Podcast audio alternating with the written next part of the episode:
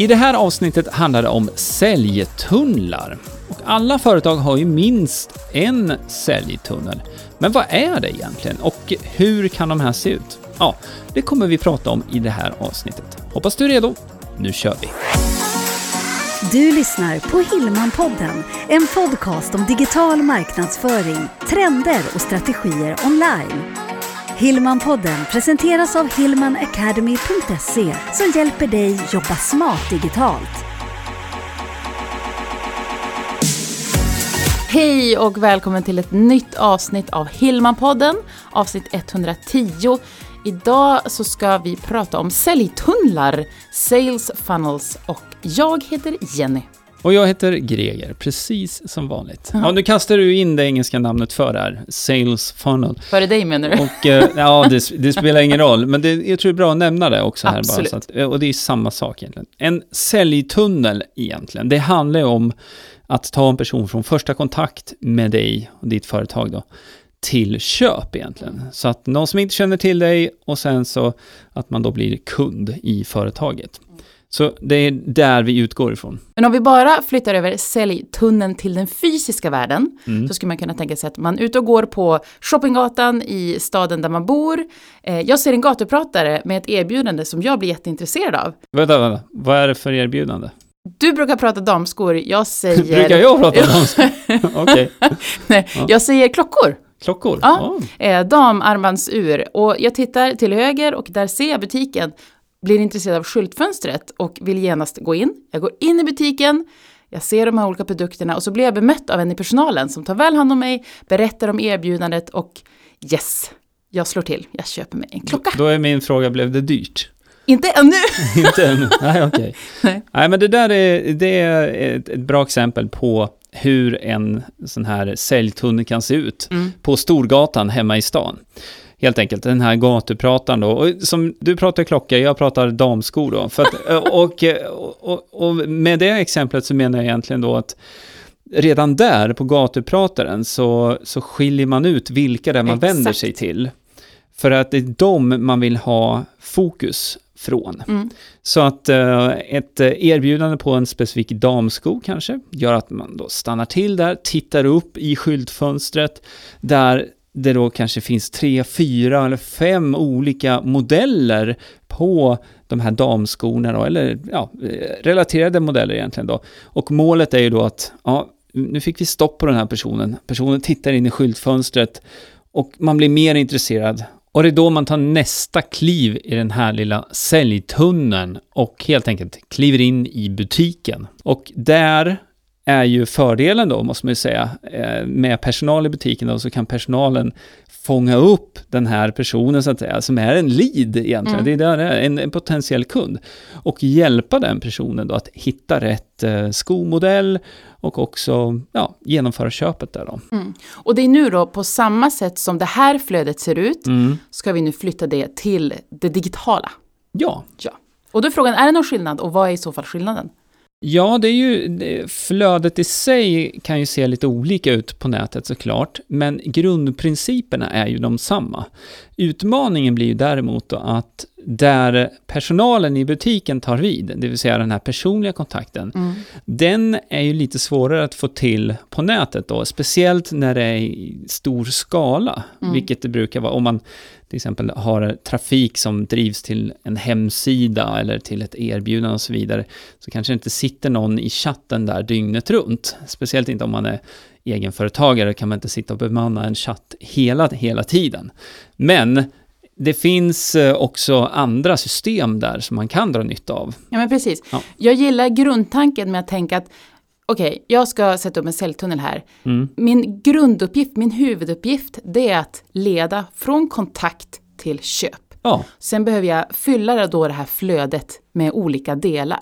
Exakt. Jag tänkte vi, vi kan prata om ett, ta ett lite mer konkret exempel även här då för nätet. Mm. Och så ska jag bara passa på att nämna det att för dig som lyssnar, om du vill se fler exempel så har vi förberett en artikel som du hittar på hillmanpodden.se 110, alltså hillmanpodden.se 110. Men vi gör det här konkret och så tar vi ett exempel här. Exakt, det tycker jag. Exemplet som uh, vi ska prata om här nu då, det är väl det man skulle kunna kalla för en, en grund sån här funnel då. Mm. Jag blandar svenska och engelska hela tiden. Det är helt okej, jag tror att alla förstår ja, det. jag tror det också. Men som sagt, det här kan man bygga ut sen på, men man måste bygga huset från grunden. Så vi tar yes. ett grundupplägg här. Och det skulle kunna vara då att man har en lead magnet, alltså man ger bort någonting i utbyte mot eh, kontaktuppgifter, mm. namn och e-postadress.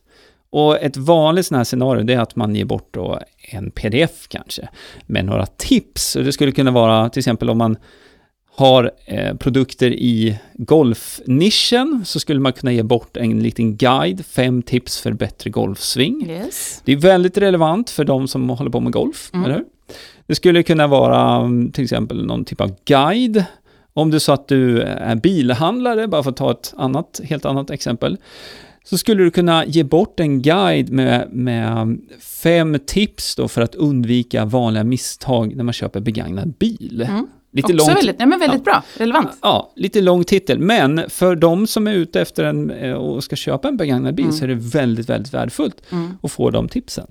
Så att eh, den här säljtunneln då börjar med en lead magnet. Det är det första Där steget. du alltså ska etablera kontakten med Exakt. människor som är intresserade av det ja, du ska erbjuda. Exakt. Och mål ett är ju att du ska få in kontaktuppgifterna yes. så att du kan följa upp. För det blir ju nästa steg i det här, uppföljningen. Och det här gör man ju oftast då via e-post. Mm. Du har fått in e-postadressen.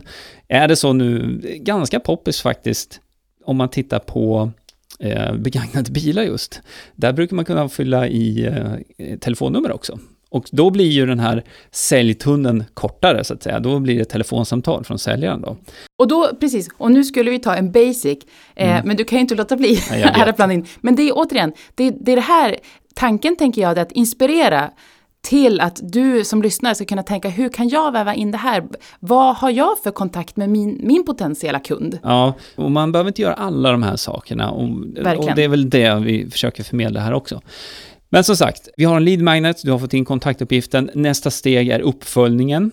Och eh, här kan vi använda sig av e-post. Och då kan man ju ha en färdigskriven e-postsekvens. Det som kallas för en automation. Mm. Och det här är någonting man kan skapa då om man nu använder Mailchimp eller MailerLite eller någonting liknande. Och eh, syftet med det är ju då att ja, den här personen ska få bli lite mer bekant med dig och ditt företag. Och också att du introducerar dina tjänster här då på ett, på ett bra sätt så att säga. Det är i den här sekvensen som du kan leda den här potentiella kunden till att bli mer och mer intresserad och att det då ska leda till köp.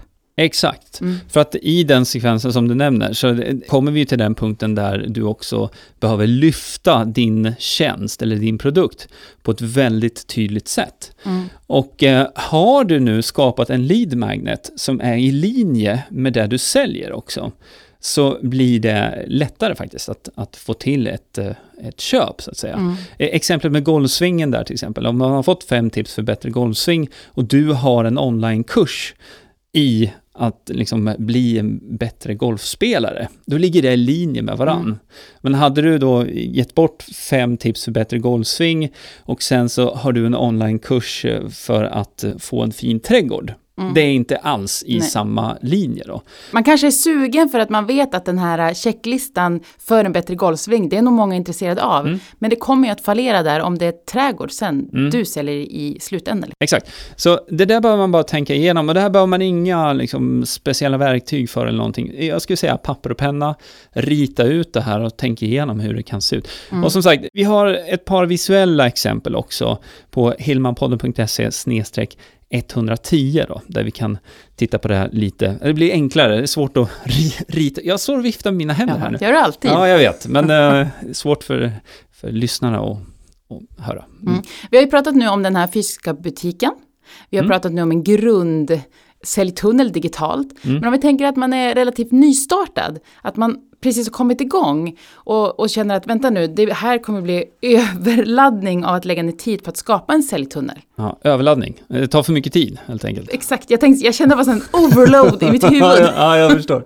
jag förstår. Jo, men så här, det här är ganska intressant för det här eh, har vi pratat om eh, faktiskt på en, eh, en av våra medlemsträffar med våra medlemmar på Hillman Academy. Så pratar vi om just det här då, från nystartad, vad ska man lägga krutet på? Var ska man börja någonstans?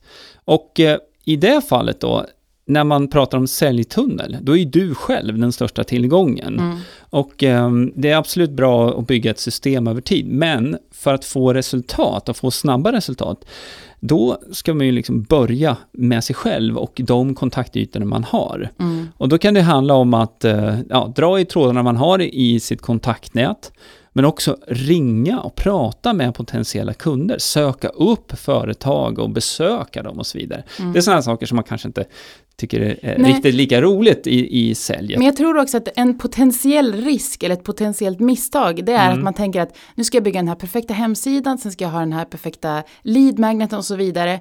Mm. Och så börjar man i den änden och det tar ju mycket tid att sätta upp det. Ja, Men du behöver ju ha inkomsten antagligen från början. Och då, Exakt. då gillar jag tänket där med att, att använda det nätverket och de trådar du faktiskt redan har idag. Ja, du nämnde hemsidan också och eh, det är absolut bra att ha en hemsida på plats. Att, eh, men det är samma sak där, att eh, man kan göra de här sakerna i nivåer eller olika steg.